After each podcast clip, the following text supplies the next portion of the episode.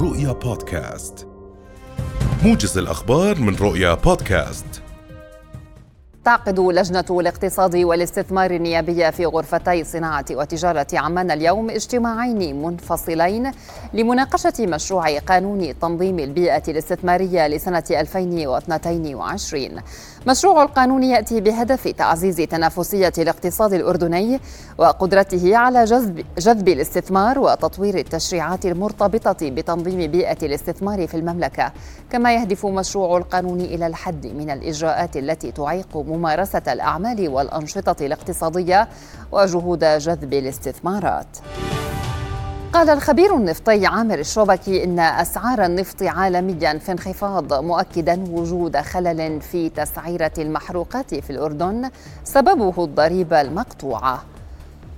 الشوبكي قال لرؤيا إن نمط استهلاك المواطنين بعد ارتفاع أسعار المحروقات اختلف بتقنين الخروج من المركبات الخاصة إلا للضرورة أو باستخدام المركبات الهجينة مشيرا إلى أن ازدياد الطلب على المحروقات في الفترة الحالية يأتي نتيجة وجود المغتربين والحركة السياحية النشطة بالمقارنة مع العامين الماضيين. أكدت الأمينة العامة للشؤون الإدارية والمالية في وزارة التربية والتعليم الدكتورة نجوى قبيلات حاجة الوزارة إلى عشرة ألاف معلم ومعلمة حسب تشكيلات العام الدراسي المقبل لتغطية نقص الشواغر. وأشارت قبيلات إلى وجود نقص في جميع التخصصات طلبت الوزارة من ديوان الخدمة المدنية. رفع النسبة الفنية من جميع التخصصات مبينة أن الجديد هذا العام. طلب وظائف إدارية أبرزها تخصص الصحافة والإعلام وحاجة الوزارة إلى 42 شخصا من حملة البكالوريوس في عدة تخصصات.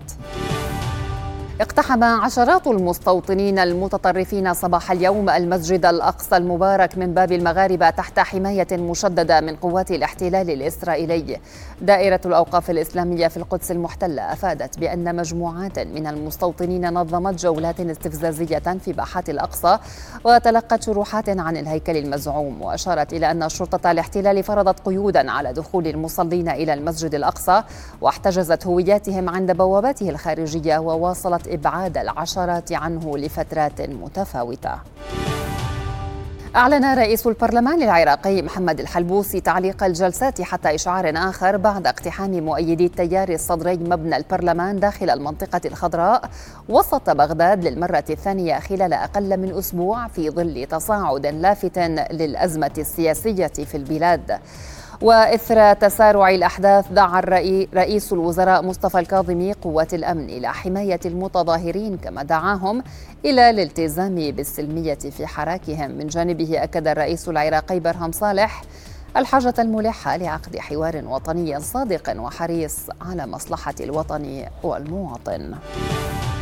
قال رئيس مجلس النواب اللبناني نبيه بري إنه لن يدعو إلى عقد جلسة لانتخاب رئيس جديد للبلاد حتى يقر المجلس إصلاحات تمثل شروطا لبرنامج إنقاذ من صندوق النقد الدولي.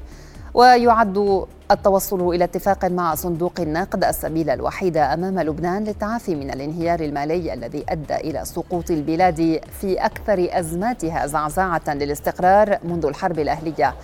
وتنتهي فترة الرئيس ميشيل عون التي استمرت لست سنوات في الحادي وثلاثين من تشرين الأول المقبل في وقت أبدى كبار الساسة قلقهم بشأن عدم العثور على من يخلفه. محذرين من مواجهة مأزق مؤسسي أكبر في ضوء عدم وجود حكومة تعمل بكامل طاقتها منذ أيار.